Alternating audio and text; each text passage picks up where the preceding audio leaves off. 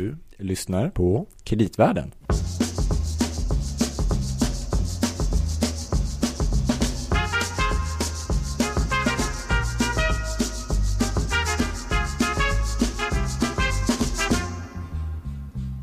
Ja, Hej, Louis. Gabriel Bergin. Ja, Louis Landeman.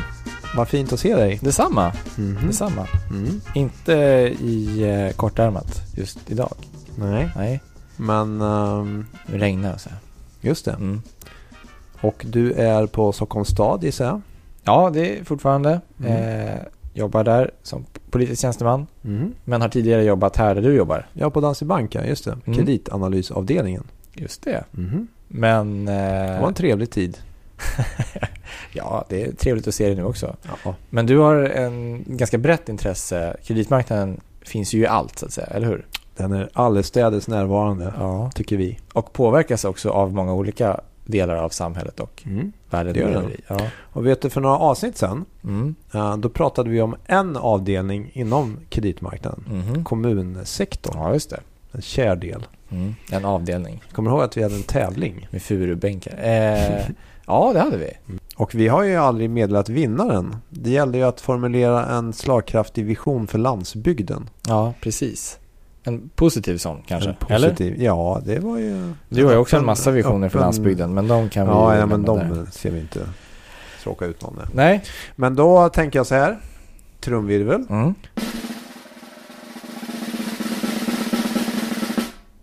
Joakim... Jaha, vi har en vinnare skulle Ja. jag säga först. Ja, Joakim vinnaren Jonsson. är... vinnaren är... Joakim Jonsson. Grattis. Grattis Joakim. Ja.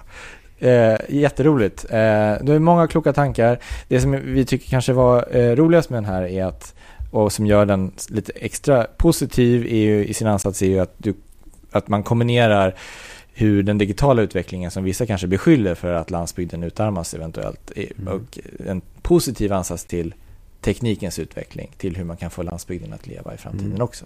Bra. Jag hoppas Man på ska att vara det, optimistisk. Vi eh, skickar detta vidare till Ja, så att om du återkommer till oss med din adress Joakim så skickar vi dig boken. på studs. En mycket läsvärd bok för övrigt. Men nu, Något annat som vi brukar prata om i den här podden. Eh, nämligen hållbarhet. mm. Och ehm, inte bara hållbarhet utan även faktiskt kopplingen till kreditmarknaden och Mm. finansmarknaden kanske vi ska säga. Mm. Och även kopplat lite grann till något som är väldigt aktuellt för alla som var väldigt engagerade i EU-valet till exempel. Mm. Eh, och följer just nu under sommaren de här förhandlingarna om alla poster och hur det ska falla ut med, med de olika delarna av EU-maskineriet. för att vi ska ju, kopplat till hållbarhet och finansmarknad så har vi ju just nu hela EU-maskineriet och hur det går till. Ja, och personligen tycker jag så här att jag känner själv och jag tror att många med mig, jag har inte så bra koll på hur det går till i EU. Men däremot så påverkas vi ju ofta inom, nu pratar vi finansmarknaden men även många andra områden påverkas vi ju väldigt mycket av det som beslutas i EU. Och när jag tänker på saken Gabriel, vi har inte haft det här med EU som tema riktigt någon gång i podden, har vi det? Nej. Det är framförallt inte så initierat som vi kanske kommer att ha idag. Utan det är mer killgissningar och sådär. Mm. Mm. Och det vet vi hur det brukar gå med dem. Mm. Så idag har vi glädjen att ha en riktig expert på detta område med oss. Åsa Knutsen Sterte, välkommen hit. Tack. Och för de som då inte vet vem du är så är du eh, kansliråd och hållbarhetssamordnare eh, på regeringskansliet. Och du leder väl även, om jag förstår det rätt, den svenska delegationen i de här förhandlingarna som har skett nu av EU-kommissionens lagförslag för hållbar finansmarknad. Ja, det är korrekt. Så hur, eh, berätta lite mer om, om din roll och bakgrund. Eh, Jag har en bakgrund inom både finansmarknaden men också en hel del miljöekonomi. Eh, Och den här tjänsten fick jag för eh, två och ett halvt år sedan. Eh, Och den var specialinriktad för att just integrera hållbarhet i det finansiella regelverket. Och eh, det har jag jobbat med sedan dess och nu sedan ett och ett halvt år tillbaka så har det varit väldigt mycket fokus på just det här lagförslaget för hur hållbara finansmarknader ska främjas inom EU. Just det. Var det. Den här tjänsten, var det som ett svar på just den här processen som pågår i EU eller var det så att säga parallellt eller innan det? Så du bara helt plötsligt kastades in i Bryssel utan att riktigt vänta dig det? Eller var det liksom det som var tanken? Ja, det här det var ju annalkande, men eh, med eh, den regering vi fick då eh, så med Miljöpartiet så höjdes också ambitionen med Per Bolund som finansmarknadsminister att hållbarhet fick ett stort fokus. Mm. Så då blev det bra att ha någon på plats som verkligen såg till att integrera hållbarhet. För det handlar ju om att hållbarhet ska inte vara ett särintresse utan det här ska ju gå in i all annan reglering också så att det ska vara en naturlig del av, av den finansiella lagstiftningen. Mm. Men kan man säga då att det pågår arbeten då inom Sverige och EU parallellt här? Eller är det så att ja, vi koordinerar med EU eller hur, hur funkar sådana här grejer? Liksom? Lite både och. Eh, Sverige eh, brukar ofta vilja säga att eh, om man relaterar nu till EUs handlingsplan så har Sverige faktiskt implementerat flera liknande åtgärder ligger lite före. Så att um, det kan vi återkomma till lite senare. Mm. Att, att. Sverige har, har redan tagit steg som EU nu tar i efterhand. Så att vi har varit pådrivande för att EU ska ta upp det här som en prioriterad fråga. Mm. Ja, just det. Okay. Men vad, om man säger så här då, vad, på vilket vis tycker man att finansmarknaden inte är hållbar idag då? Vad är det man vill, vad är det liksom man vill förändra?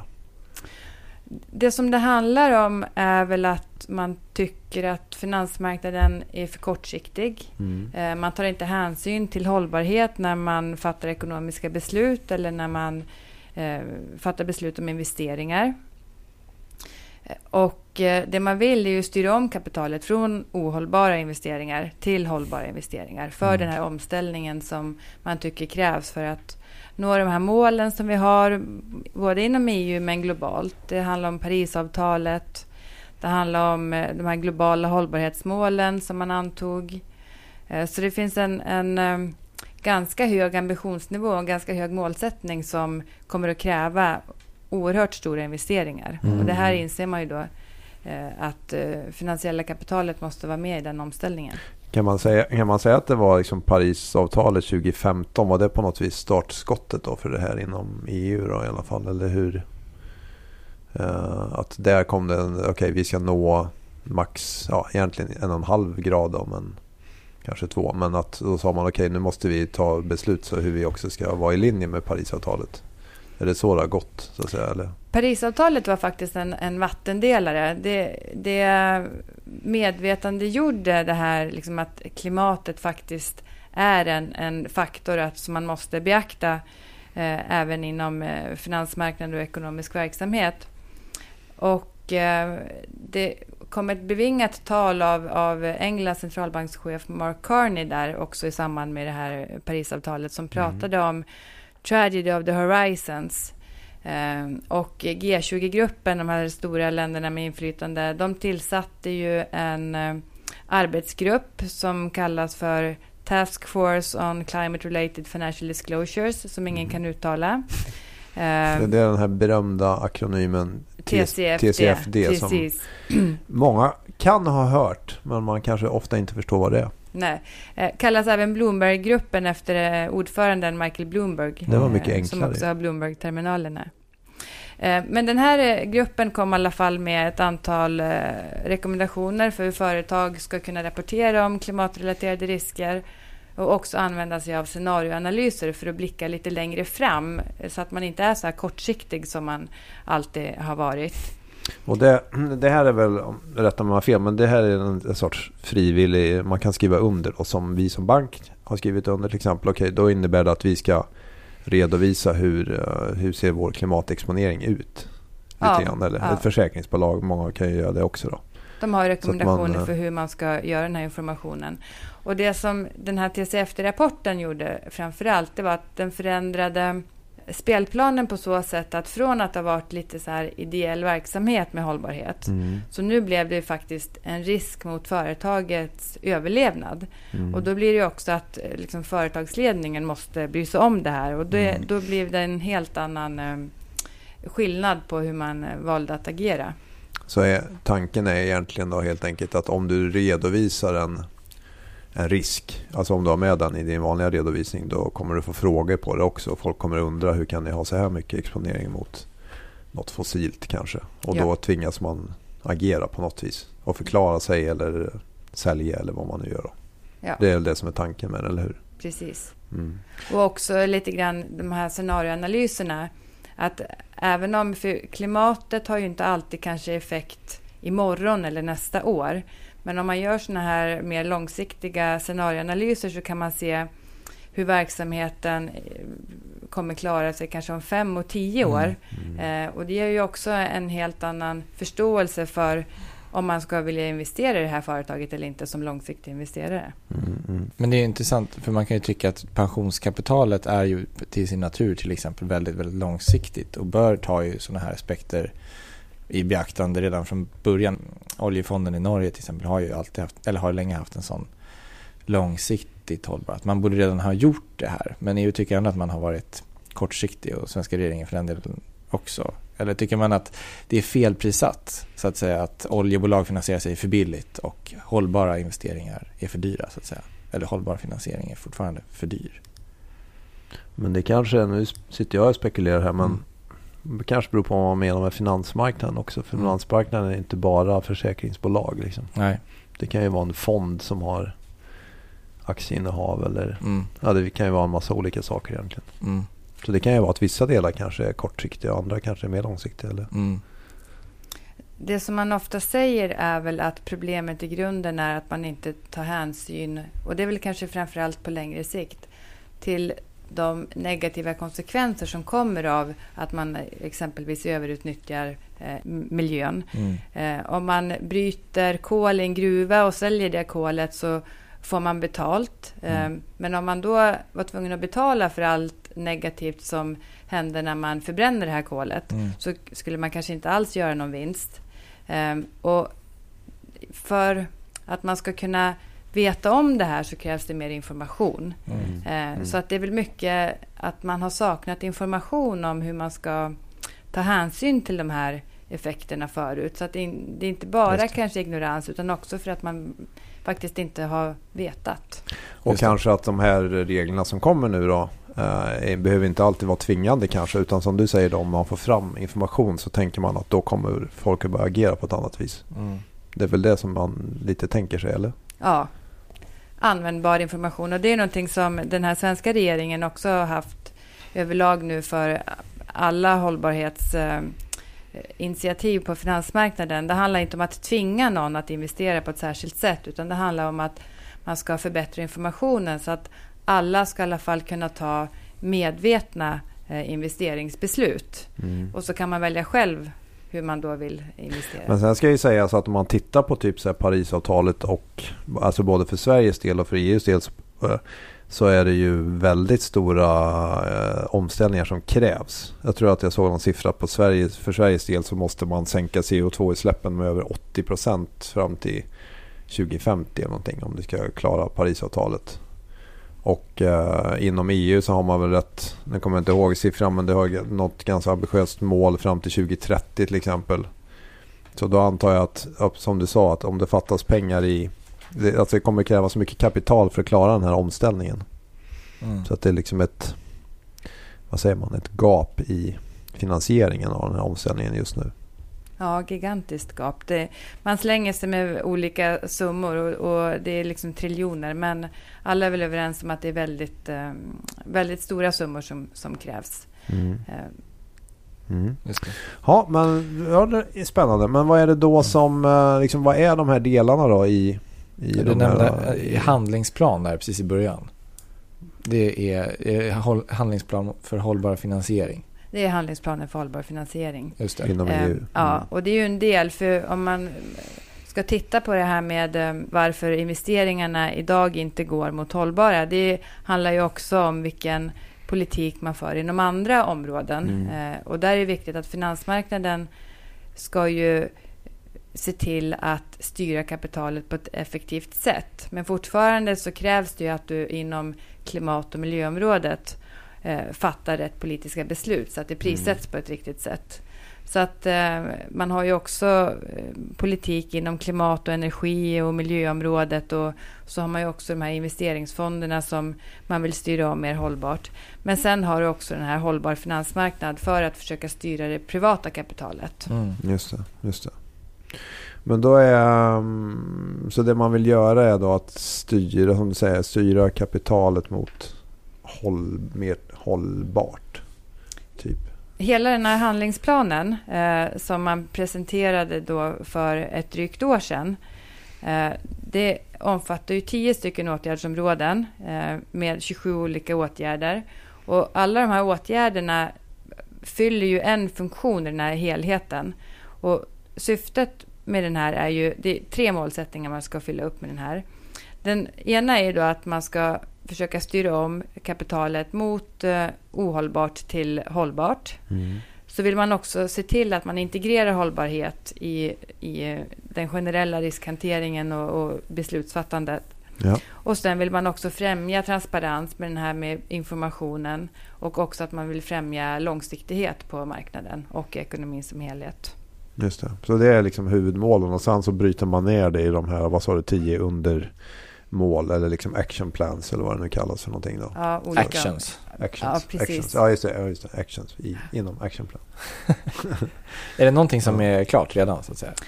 Ja, eh, eh, tre av eh, de här åtgärderna, det var då konkreta lagförslag. Mm -hmm. mycket av det andra, det är andra typer av åtgärder, lite rekommendationer och annat. Eh, och de här tre lagförslagen det handlar om eh, dels upplysningskrav för att investerare och rådgivare måste berätta om hur man beaktar hållbarhet. Mm. sen är det också två stycken kategorier av index som man ska kunna titta på en portföljs koldioxidavtryck. Mm. Och sen också en gemensam klassificering för gröna investeringar inom EU. Och och den här klassificeringen, man, man tar fram någonting som man säger, det här tycker EU är grönt. Ja, precis. Och det kan man sedan använda om man ska göra en grön obligation. Ja. Då kan man säga att det här är en grön obligation enligt EU, EUs standard. Ja, typ. så kan man säga. Mm. Um, och innan vi går in på just vad lagförslagen innebär så kan det vara att det är många som inte riktigt förstår hur hur ett förslag blir till inom EU, vilket inte är Nej, så konstigt. till om man exempel inte... jag. mm. Och det visste inte jag heller för ett och ett halvt år sedan innan jag började med det här. Men det är tre stycken institutioner som är inblandade. Mm. Vi har kommissionen som är lite grann som regeringskansliet, det är tjänstemän mm. som jobbar. Sen har vi rådet och det är medlemsstaterna, så varje medlemsstat har en röst. Mm. Och det är där som eh, jag har suttit och förhandlat för Sveriges räkning. Mm. Sen har vi också EU-parlamentet där vi har våra folkvalda. Ja. Och det är kommissionen som lägger ett förslag, eh, som i det här fallet då, de här tre lagförslagen. Mm. Och då sitter rådet med alla medlemsstater och eh, förhandlar om det här förslaget. Mm. Eh, och då sitter ju vi, alla länder har ju sina åsikter om, om hur, hur det här ska se ut. Sen sitter parlamentet på sitt håll och också gör samma sak och, och förhandlar. Och när rådet har kommit överens om sin version och parlamentet om sin version så ska de här två sen komma överens i sin tur. Eh, och då säger man när de är överens, då har vi en politisk överenskommelse. Mm. Sen ska förslagen granskas och översättas till alla medlemsstaternas eh, olika språk. Sen ska det här antas formellt igen av rådet och, och eh, parlamentet. Och sen publiceras det i EUs officiella tidning. Eh, och då har vi ett förslag. Mm. Så att det är en ganska Oj. lång process innan Det måste ju ta jättelång tid. Ja. Eh, och nu har vi en politisk överenskommelse för två av de här förslagen. Mm. Den om upplysningskrav och eh, de här koldioxidindexen.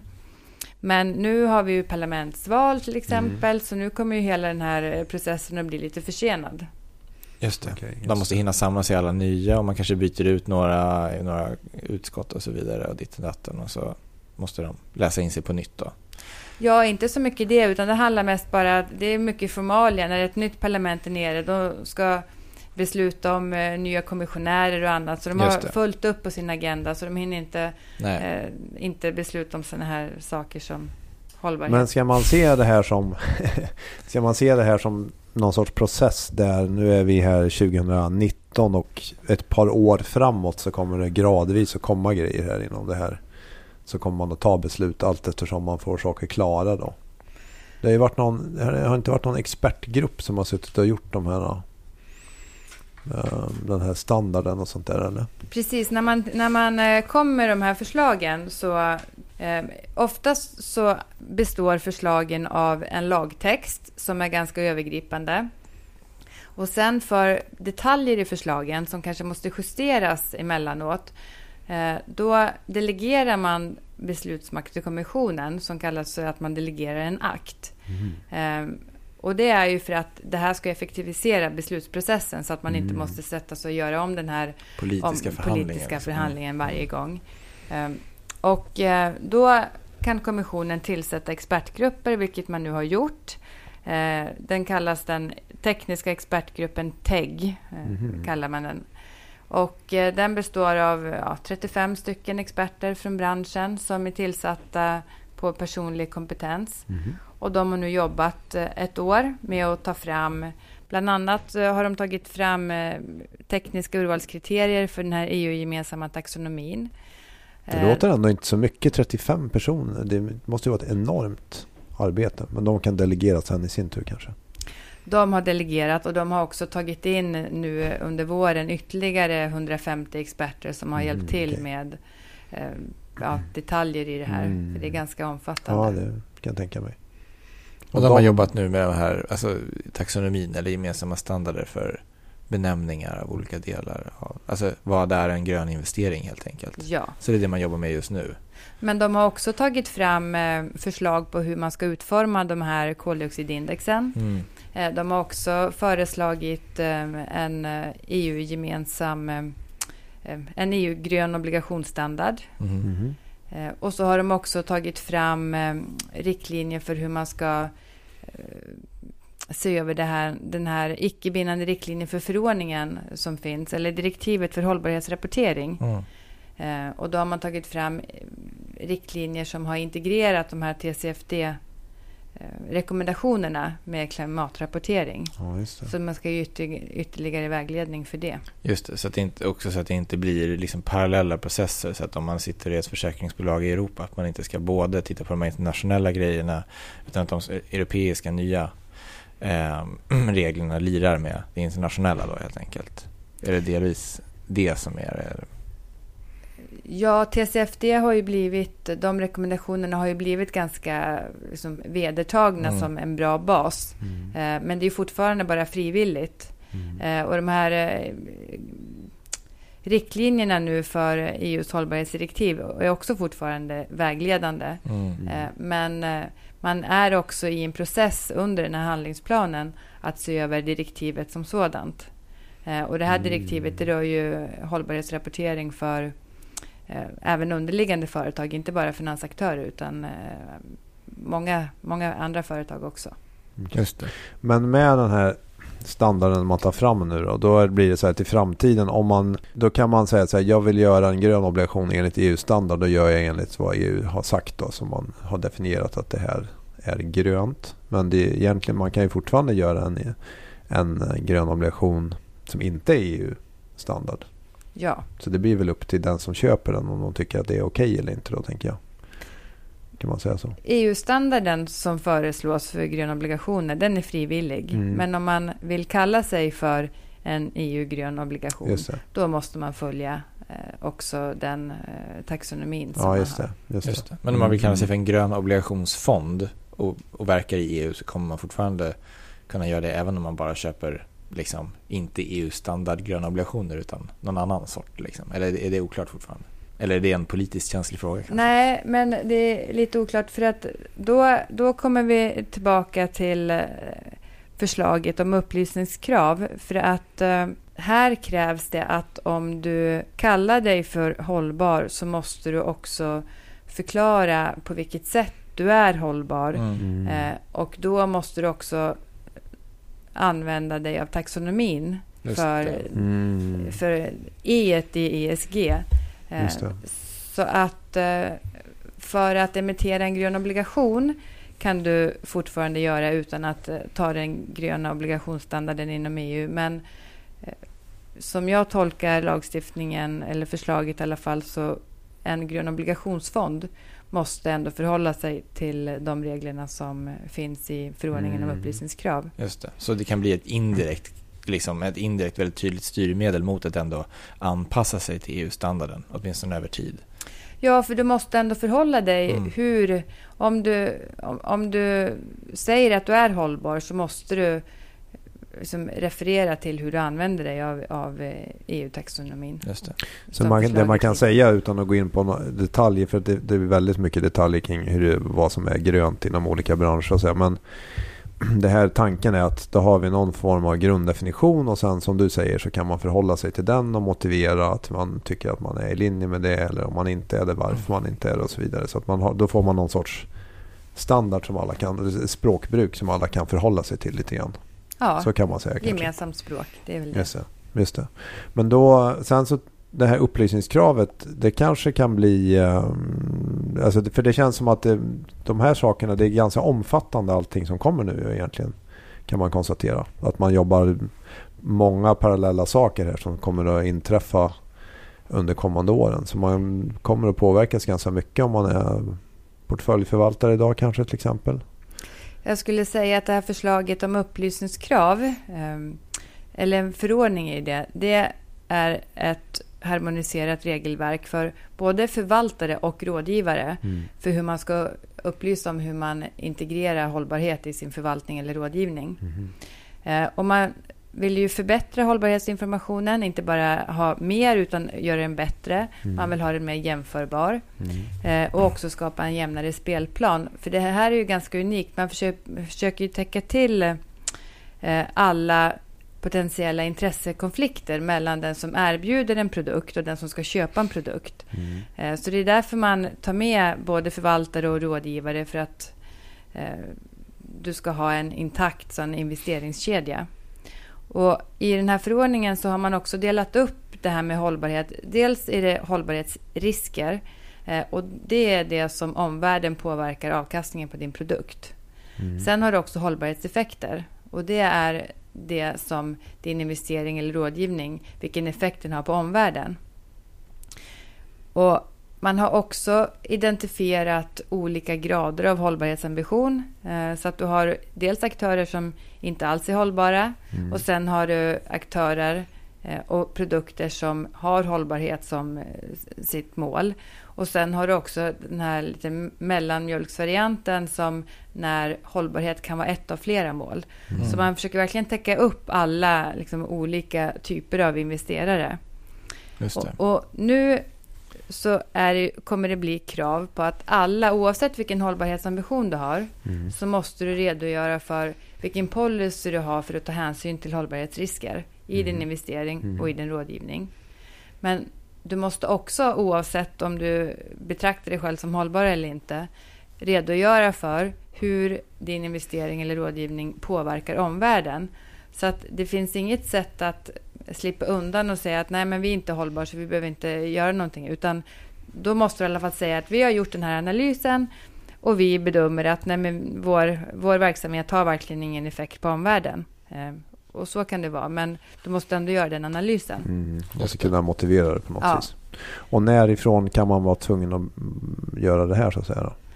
Vi tror att man kommer kunna fatta det här formella beslutet eh, någon gång i september, oktober. Mm. Och då är det 15 månaders implementeringsperiod. Så att... Eh, 2021? Typ. Ja, början på 2021 så måste alla, alla följa det här. Måste man bestämma sig för om man vill ha en hållbar fond eller inte som man kör? Ja, fast oavsett, det är det här som är... är kommer ändå inte undan, Gabriel. Nej, du kommer inte undan. Nej, det är det här som är det nya. För att fram till nu har det varit lite ett sätt att marknadsföra sig, man går före, man visar på goda exempel. Men nu kommer det vara en del av liksom compliance. Det är Finansinspektionen mm. Som, mm. som följer upp det här som ja. med all annan rapportering. Just det. Så en ganska stor skillnad kan man säga. Den, den är jättestor skillnad. Kommer det och det kommer i sin tur att trycka på ännu mer mot företagen att de måste rapportera mer för att man behöver det när man själv ska rapportera. Mm. Så det blir någon sorts kedja här av reaktioner kan man mm. tänka sig. Precis, och det är lite grann också eh, syftet tror jag med mm. det här att eh, vi reglerar inte underliggande företag men, men som investerare kommer man ju efterfråga den här informationen så det kommer ju också driva på att företagen kommer försöka producera den här datan. Är det det som kallas för nudging? Nudging ja, i sin bästa form. ja, ja, ganska hård nudge ja, i så fall. Jäkligt hård smäll på Men det här gäller alla investerare, alltså UCITS-fonder och inte och så vidare? Eller? Alla investerare. Mm. Så att den här förordningen går ju in på all annan lagstiftning som redan finns. Um, så att det blir bara i, i den, den information som man lämnar idag på sin hemsida, i prospekt och i årsrapporterna så kommer det här liksom komma in som en liten extra dimension bara. Mm. Men även då om man säger en vanlig privatrådgivare kommer att vara tvungen att ska ge råd till någon att köpa någonting så måste man också kunna visa på att man har nämnt någonting om hållbarhet. Då. Så länge du har, har tillstånd så att du faller under mm. liksom den här finansiella rådgivningslagstiftningen mm. Mm. så måste du göra det. Wow. Så det kanske är den nästan största grejen som ja, är på gång här då, eller? Men jag tycker nog det faktiskt. Många pratar om den här taxonomin, eh, mm. att den är så... Den är mest komplicerad. Ja, den är jättekomplicerad. Men, eh, men jag tycker nog tvärtom att som investerare så ska man vara, verkligen göra sig redo för att kunna uppfylla kraven nu som kommer med det här upplysningskraven. Mm. Eh, och att taxonomin kommer vara ett verktyg för att hjälpa till att man kan uppfylla de här mm. eh, kraven. Ja, man blir nyfiken, för jag tänker att du har en del dialog antar jag med branschen och olika aktörer och de, ja, både push and pull så att säga.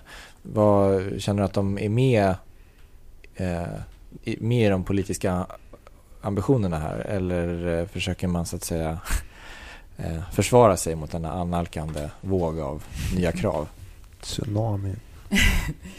Jag skulle säga att eftersom Sverige ligger redan lite i framkant. Vad gäller det här med upplysningskrav så har vi redan en fondlagstiftning som kräver att eh, investeringsfonder måste redogöra för hållbarhetsfaktorer. Ehm, vi har också krav på PPM, att bara hållbara fonder får vara med. Så att, eh, vår bransch ligger ganska långt före, så jag skulle säga att många tycker att det här är positivt. För att rent konkurrensmässigt så är det ju bra för dem att, att eh, även de i EU måste ha mm. striktare mm. krav. Mm. Samtidigt om man tänker sig taxonomin så finns det ju en, en farhåga att de här tekniska urvalskriterierna är satt ganska strikt. Mm. Så att hur ska du som företag kunna leva upp till de här eh, tekniska kriterierna? Mm. Eh, du kanske inte kommer vara grön idag. En investerare idag med en fond kanske inser att den här fonden som jag marknadsför som hållbar inte är hållbar enligt EUs eh, e taxonomi. Mm. Så då finns det såklart eh, lite motstånd mot det. Men, eh, Hur ska man tänka då? då? Som investerare? Om man är i den situationen. Att oj, det här hade vi trott, vad, vad ska vi göra nu då? Man har köpt en massa gröna obligationer som visar sig enligt EU-standard och inte vara gröna längre. Till exempel. Men det kanske var okej ändå kom vi fram till. Fast det var inte enligt EU grönt. Nej. Mm. Nej, jag skulle säga att taxonomin är som en uppslagsbok. För att här har ju den här tekniska expertgruppen tittat på eh, en, en verksamhet är EU-grön om den signifikant uppfyller kraven så att den bidrar positivt till ett av de sex miljömål som EU-kommissionen har, har mm. beslutat om. Och så får den inte skada något av de andra. Och då är det att betrakta som grön. Eh, och de här referensvärdena är ju satta så som att de ska vara vetenskapligt baserade. Eh, de ska vara förenliga med de mål vi har satt med Parisavtalet och annat. Mm, mm. Eh, så att även om en, ett företag idag har aktiviteter som inte uppfyller Parisavtalet så kan ju företaget ha en plan om att de inom fem år ska mm. uppnå mm. de här referensvärdena som man har. Mm. Och då kan ju det vara en bra investering. Just kanske det. bättre finansiell investering än ett företag som redan idag är väldigt grönt. Just det. Eh, Så där gäller det att man tänker till och motiverar och den som köper får då på sig att vi får förklara hur vi har tänkt helt enkelt. Men vi, då kan man motivera det kanske. Ja, Mm. Mm. Just det. så att man tar ju inte, det blir ju inte eh, så att man kan ticka in box. Men, eh, men som analytiker så kommer du redan att titta på ett företag idag om det är värt Mm. att investera i. Mm. Så taxonomin hjälper ju till att, för att om du då idag har svårt att bedöma vad som faktiskt är hållbart eller inte, Mm. för du vet inte, det finns ingen Nej. gemensam definition. Precis. Då har du då det här uppslagsboken och då kan du titta. Ja, men kravet är att du får släppa ut visst mycket koldioxidutsläpp från en cementfabrik. Uppfyller det här företaget det idag? Eh, eller har den planer på att de vill göra det i framtiden? Mm. Då har du i alla fall lättare att, att fundera över om det är värt att investera i det här. Så att som vanligt är det svårt med gränsdragningen vad som är hållbart men den stora fördelen är att som idag så säger man att nackdelen med det här gröna obligationer är just att det inte finns någon gemensam standard utan det är väldigt mycket egendefinierat. Ja, Så att det är liksom lite luddigt då. Eh, Men nu får vi alltså det här gemensamma ramverket. Så att det låter ju ganska vettigt. Men eh, ja, gud vad mycket som har- händer känns det som. Mm. Mycket att hålla reda på och förhålla sig till. Ja, och förändras med. Så Mm. att säga. Är ni snart klara med det här arbetet då? Eh, ja, med de här förslagen om upplysningskrav och den här koldioxidindexen som kommer. Mm. De är ju ganska klara då. Eh, Mm. Det ska implementeras sen bara. Eh, Sen taxonomiförordningen håller vi fortfarande på att förhandla. Ja. Eh, Så att där är det svårt att säga idag när vi kommer bli klara med det. Men den tekniska expertgruppen lämnade ju sin rapport här nu 18 juni med när de har tagit fram tekniska urvalskriterier för en massa olika aktiviteter. Det är en rapport som är på över 450 sidor.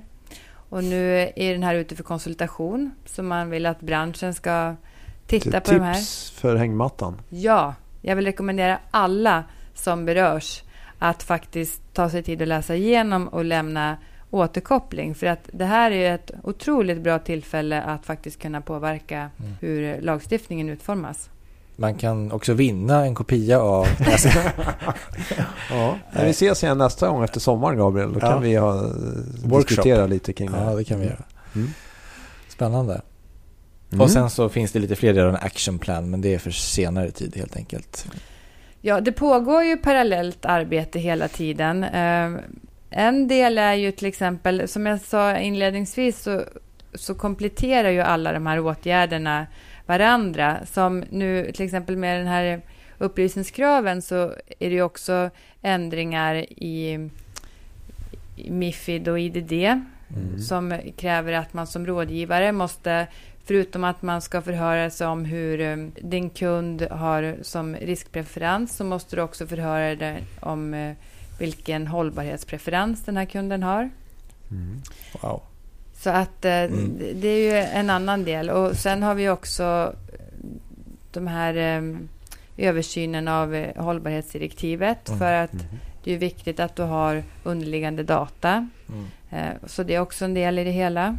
Och sen eh, ska man väl se över bankers kapitalkrav och hur ska det liksom eh, bli krav att bankerna ska visa på hur eh, vi så att säga integrerar ESG i våra riskanalyser och sådana där saker också. Oj, det blir nästan ett ämne för en helt eget avsnitt tror jag. Kommande poddavsnitt. Ja, men eller hur? Mm. Wow. Mycket Mm. att smälta så att Ja. säga. Och, eh, Men det är en bra aptitretare. ja, Och nu förstår alla i finansbranschen att man måste lära sig mer om hållbarhet framöver. vare sig man vill eller inte, Precis. var väl lärdomen. Man kommer inte undan med lärdomen. Nej. Eh, om det är någon som läser de 450 sidorna och har några intressanta inspel så är man alltid Mm. välkommen att mejla till brev kreditvallen.se Ja, absolut. eller kanske mer ändamålsenligt direkt till Åsa. Absolut. Eh, vi har ju faktiskt eh, etablerat en extern referensgrupp just för eh, de här lagförslagen. Mm. Så att det är intresseorganisationer och enskilda finansföretag och industri. Mm. Så man är mer än välkommen att höra av sig eh, och ta, vara del i den eh, externa referensgruppen om man är intresserad av det. Mm. Perfekt. Grymt! Då så. Ja, då vet vi vad vi ska göra i sommar. Mm. Var det klart? Mm. Hur? Tack. Stort, Stort tack. tack Åsa. Ja. Ja, tack för att Väldigt jag fick upplysande för oss. ja, det var väldigt intressant. Och Gabriel, Ja, jag önskar dig en trevlig sommar. dito. Och alla lyssnare detsamma. Ja, Mm. På återhörande. Mm. Vi har redan några spännande avsnitt på gång. Alltid. Dock inte tänker avslöja riktigt om vad. Bara att det kan vara någonting med kreditmarknaden. Eller hållbarhet. Ja, Ja. det skulle också kunna vara. Mm. Mm. Vi hörs då. Det gör vi. Hej då. Tack.